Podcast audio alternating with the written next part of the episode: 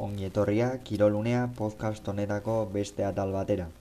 Gaurko atal honetan, alde batetik, pilotaren inguruan hitz egingo dugu, eta bertan, gaur hasi dira, binakako txapelketa nagusiko finalerdietako ligaiskako partidak, alde batetik gogoratuko dugu irribarriak eta rezusta jokatu dutela, bestaldetik berriz, lasok eta imazek eta horren inguruko analisia egingo dugu, bestalde bihar altunak eta martijak elezkano bigarrena eta zabaletaren aurka jokatuko duten finalerdietako ligaskako bigarren partidaren inguruan hitz egingo dugu. Eta azkenik gaurkoan Real Madrid eta Real Santiago Bernabéu futbol zelaien jokatu duten partidaren inguruan. Beraz besterik gabe has gaitezen. Eta nola ez pilotarekin hasi behar dugu. Izan ere gaur hasi dira finalerdietako partidak, finalerdietako ligaiska gaurkoan hasia eta irribarriak eta rezustak eta lasok eta imazek jokatu dute azkenerako gogoratuko dugu.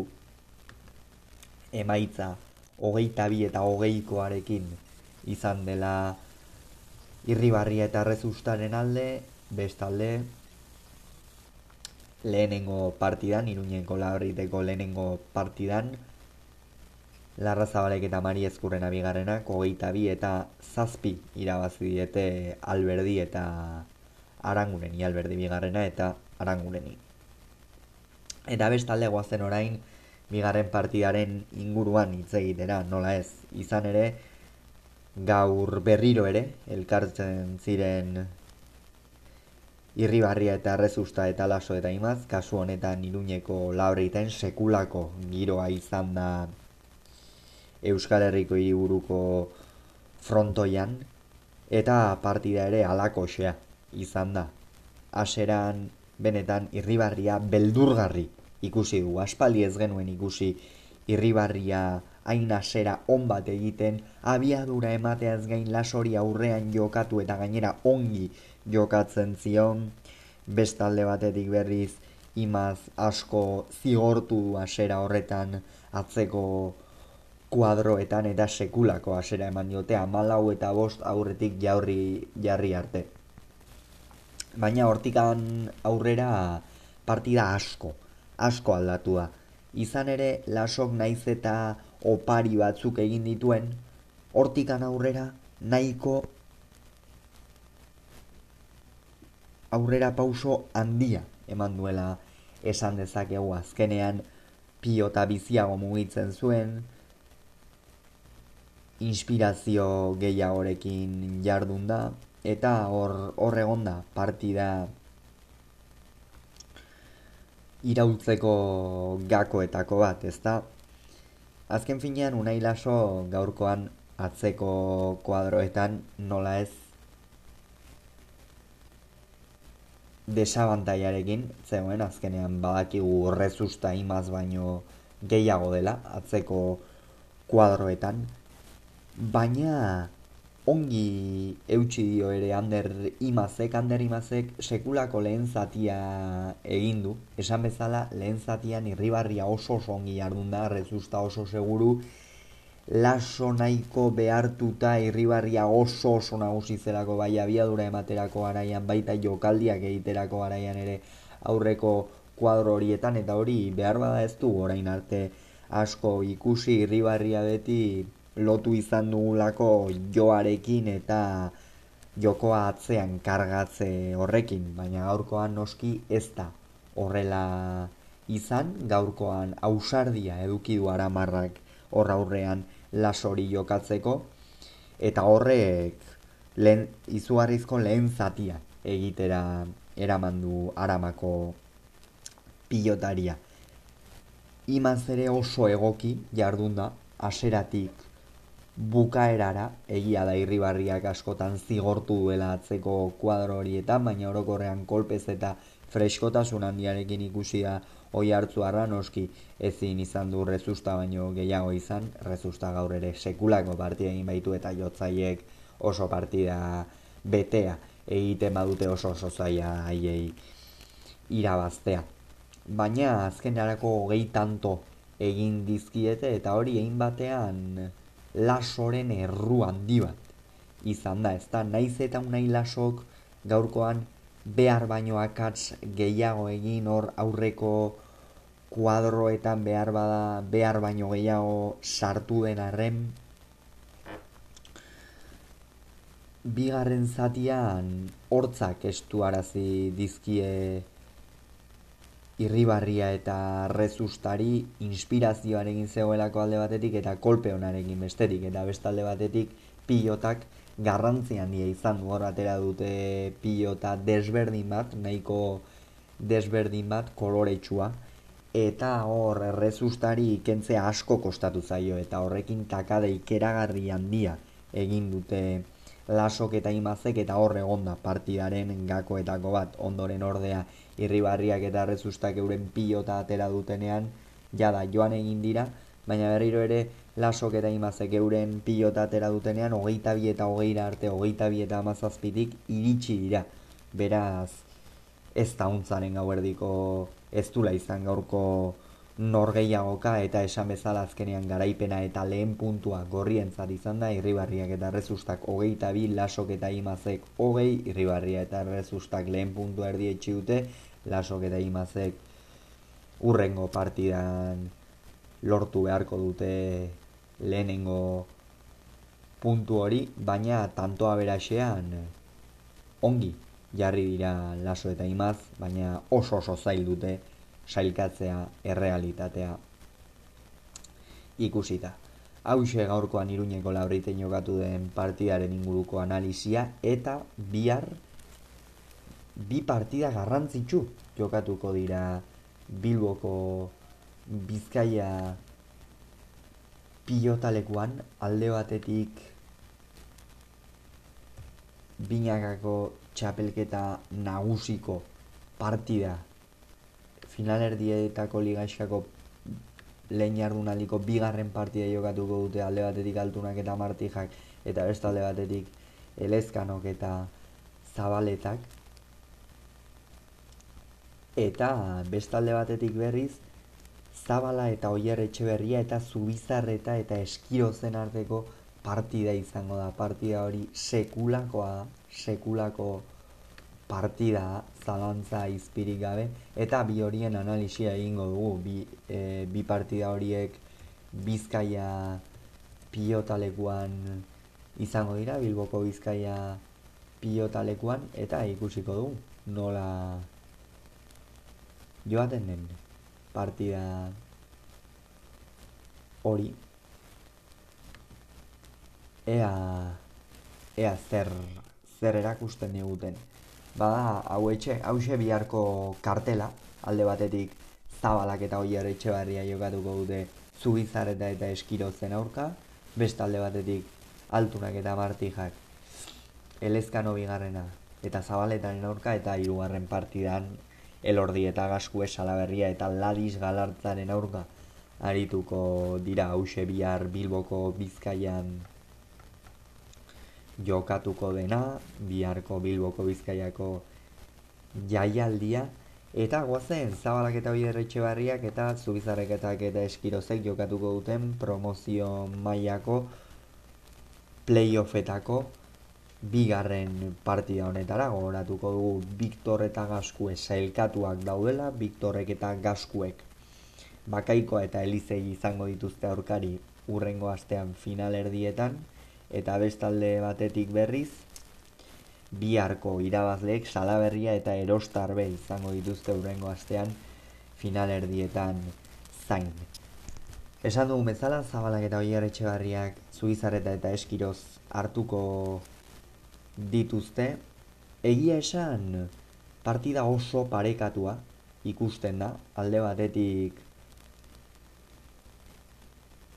Oier Etxebarria eta Eskiroz oso oso pareko baita hue maiaz atzeko kuadro horietan eta baita zu, zabala eta zubizarreta ere. Zubizarreta baia da behar bat azkeneko partiduetan ez duela luzimendu handia egirik erakutsi defentsan oraindik ere asko dauka hobetzeko eta zabalak berriz erabakiak hartzerako garaian oraindik ere kostatzen zaiola.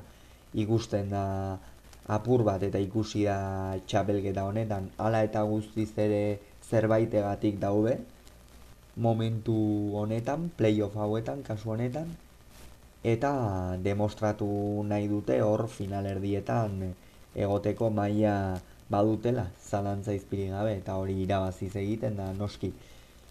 Zabalak eta hori etxe barrian ego txapelketa irregulara egin dute, zuizaretak eta eskirozek bezala partida oso onak eta partidak aiskarrak jokatu dituzte biek ala biek, baina behar bada esan genezake zubizarretak eta eskirozek beste fidagarritasun bat edo dutela eskirozek segurtasun handia ematen du atzeko kuadro horietan, lesio batetik itzuli da eta sekulako maila ematen ari da makirria inezkabarteko pilotaria izan ezkerrez izan eskuinez sekulako bi esku baititu. Bestalde oier etxe berria, etxe barria behar bada azken partidetan ez du guain indarsu ikusi badakigu ez dela pilotari jotzailea, baina ongi eusten ditu pilotak. Eta behar bada hor tendentzia zubizarreta eta eskirotzen alde joan daiteke oier etxe barriak entregatu ditzaken pilotak direla. Eta hori ikusiko nola joaten den eta bestalde zabalak ere gako handia izango du hor aurrean zubizarretari jokatzen. Aurreko kuadroetan abiaduraz mugitu beharko du pilota nahiararrak eta ikusiko dugu ze partida eskaintzen diguten. Esan bezala bihar lehen partidan zabalak eta hori erretxe barriak zubizarreta eta eskiro zartuko dituzte. Inagako promozio txapelketako playoffetako bigarren partidan guazen orain partida nagusiarekin izan ere altu nahiruaren eta martija elezkano eta zabaletaren aurka jardungo dira. Zer esan bibikote hauetaz? Txapelketako bibikote honenak izan dira zortziko ligaiska horretan lehenengo bi postuetan sailkatu diren bikoteak baina hemen datu esanguratsu bat dago eta datu hori altunak eta martijak euren artean jokatutako bi partidak irabazi dizkiela Elezkano eta Zabaletari. Lehenengoan nahiko kostatu zitzaien bigarrenean ordea nagusiago izan ziren altuna eta martija nahiko nabarmen gainera. Bihar partida oso desberdin bat espero da, hemen dena utzetik hasiko da bihar, ez dago espekulatzerik, ez dago aurreko partidak konparatzerik, Baina bai, konpara daitezke lehengo astean jokatutako partidak. Eta lehengo astean esan dezakegu zabaleta txukun bat ikusi genuela. Eta elezkano behar bada aurrean oraindik ere beste puntu bat igo behar duen e, pilotaria da. Izan ere lehengoan bai ongi jardun zen, baina aurrera pausu bat eman behar du baldin eta zabaleta kasualitatez amilduko alitz edo agindu ezingo balu oso oso zaila noski zabaletak ez partida batean agintzea. Baina behar bada elezkan hori beste aurrera pausu bat eskatzen zaio azken partidetan. Azken partidak kontuan hartuta aurretikan nola ez egin ditu partida oso kompletoak eta oso onak eta bestalde batetik berri zaltunak eta martijak ikusiko dugu zer maila ematen duten, baina altuna esan behar da orain bi aste ibarren ikeragarrizko partida jogatzetik iritsiko dela Bilboko Bizkaia pilotalegura. Hori da hori jokatzea. Amasei egindakorekin amaitu zuen okerrez balimanago sekulako partida egin zuen jokin altunak eibarren gogoratzeko moduko horietakoa una hilasoren aurka, una hilaso on baten aurka eta alere jokin altunak bere izar sena atera eta partida aurrera atera izan zuten altunak eta martijak. Izar handiena da jokin altuna gaur egun hori uka ezina da eta frontoietan beti bera ikustea eta karteletan beti bera ikustea pozikera harria da. Eta biharkoan aukera hori izango dugu. Altunari txapel bat falta zaio. Hor badauka arantza bat oraindik ere barnean sartua binakako txapelketa. Badanik normalean hemen ez ditugu iritzi oso zehatzak ematen edo hain subjektiboak ematen. Baina bai ausartuko naiz esatera binakako txapelketa jokatu duen urte guzti hauetan aukeraren bat eduki badu irabazteko aurtengo hau dela. Eta ez dut esaten aurtengoan oraindikan ere ez delako hasi finalerdietan. Aurrekoetan behar bada finalerdietara larriago iritsi zen.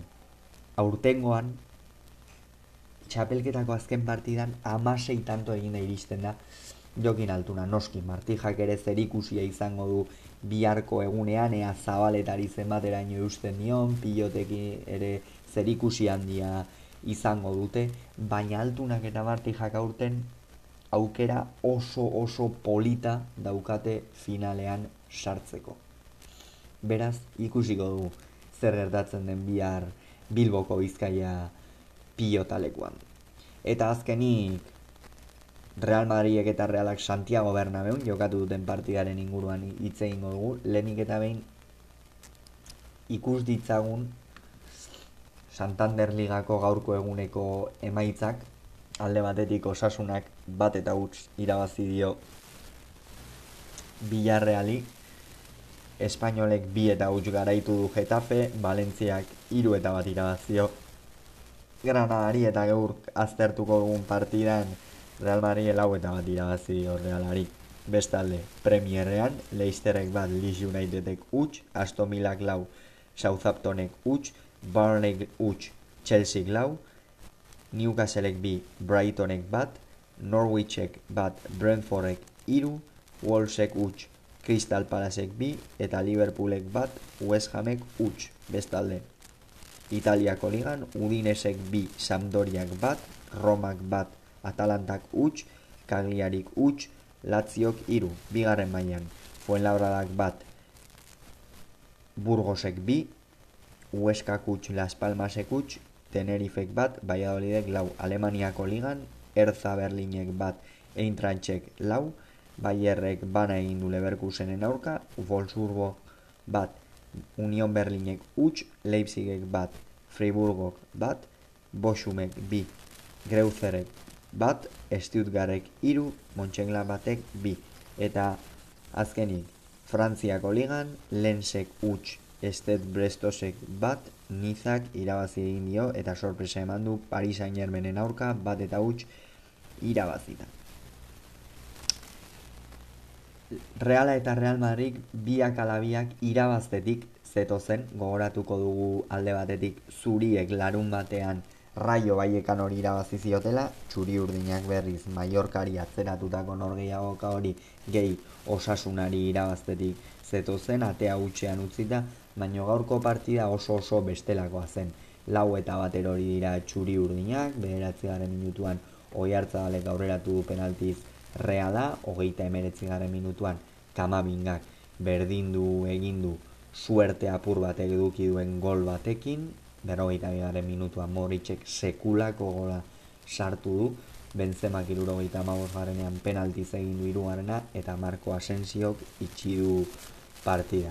Reala gaurkoan jokatu behar zuen bezala jokatu azkenean bai aurretikan jarri da, asera batean ongi kontrola, jokoaren kontrola eramaten, naiz eta baloi asko ez eduki eta penalti hori iritsi da eta oi hartzabalek ez du barkatu amaika metrotatik. Amaikakoak hauetxek izan dira, Real Madriden aldetik aldaketa gutxi, kurtua atera da tepean, alabak eta militaok osatu dute erdiko atzealdeak, Carvajalde eskuine galetik, Ferlamendi ezkerre galetik, zelai erdian Casemiro, Kamavinga eta Modric, eta goian ezkerretik Vinicius, eskuinetik Rodrigo, eta goian Karim Benzema izan da. Antxelotik bere lau iru iru klasiko hori erabili du, hain ongi dijoakion lau iru iru klasiko hori, eta bestalde realak honen aldeko apustu egin du remiro jokatu du atepean, patxeko eta lenorman izan dira erdiko atzealdean, Jon Patxekoren sorpresa izan da, gorosabele jokatu du ezkerretik, zubeldiak eskuinetik eta behar bada horregon da gakoa gaurkoan zaldua eskuinetik ere, baina aurrera tuxeago, Merinok eta Iaramendik osatu dute zela ierdia, Oiar Zabalek ezkerreti jokatu du, eta goian Isak eta Silva jardun dira. Egia esan realak golaren ondoren atzeregi sartu da eta hori bai ezin duela onartu realak hain atzean sartzea.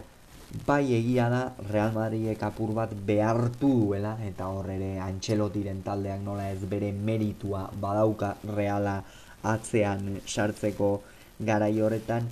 Baina beste agresibitate puntu bat edo bai falta zitzaion Realari une une horretan ez da? Golaren ondoren beti aziago bezala egon zaitezke baina kasu honetan Real Madridek bere hartu jokoaren domeinua eta segituan aztoratu talde txuri urdina.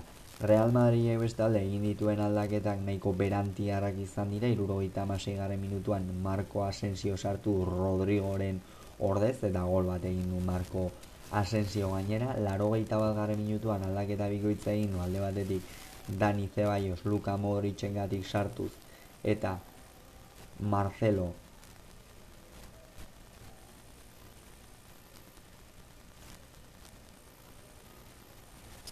Eta Marcelo. Viniciusen gatik hor eia da Vini, eh, Marcelo Viniciusen lekuan jokatu duela. Bestalde berriz, laro iruaren minutuan Lucas Vázquez eta Mariano atera ditu Mariano Benzemaren ordez eta Lucas Vázquez Dani Carvajalen ordez. Real Madrid bere partida jokatu du, azken finean Parisen aurkako partidan bazeukaten begia, baina demostratu dute gaurko partida ere zutela begiz galduta. Eta sekulako partida egin duen txelotiren taldeak egia realaren laguntza apur batekin ez da, baina sekulako bi gol sartu ditu, abiadura handiarekin mugitu du. Aloia, reala nora ezean ibili du, eta meritu handiko taldea antxelotiren ez zalantzari gabe.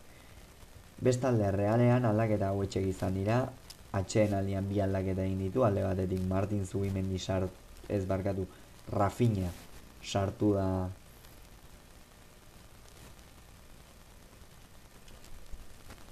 Rafinha sartu da Davi Silvaren ordez. Eta bestalde batetik berriz nahi juara sartu da Jon Patxekoren ordez. Erasora joan beharra zuen realak, galtzen ari zen, bieta bat atxeen aldiaren ondoren eta erasora joan beharra zuen. Ondoren berriz, irurogeita irugarren minutuan aldaketa bikoitza egin du, alde batetik Martin Zubimendi sartu bilarra bendiren ordez, eta Aritz Elustondo Joseba zalduaren ordez, jada ezer gutxi zuen egiteko une horretan e, realak, eta azkeni Alexander Sorlo sartu du iruro gita garen minutuan Alexander Isaken ordez. Realak ez du, ez du bere partida egin, behar bada aletikekoarekin eta leipzigekoarekin batera, Reala errekonozitu ez dudan partidetako bat izan da. Gaurkoa ez oso oso atzean sartuta lehen esan dudan bezala egia da Antxelotiren Real Madridek atzera eraman duela talde txuri urdina baina beste beste agresibitate puntu bat beste intentsitate puntu bat sartu beharra zeukan hor realak eta ez du, ez du sartu eta hor egon da gakoa. Eta azkenerako lau eta bat ez da besterik esateko hemen guazen orain sailkapena ikustera eta nola geratuko liraken Real Madrid eta Reala bada Real Madrid irurogeita iru punturekin lehen postuan geratuko litzateke Sevillatik zortzira bai zortzira Reala berriz seigarren postuan berrogeita lau punturekin Hauxe beraz esan beharreko guztia gaurko honetan, urrengoan gehiago izango zuen, bitartean ongi izan, agur!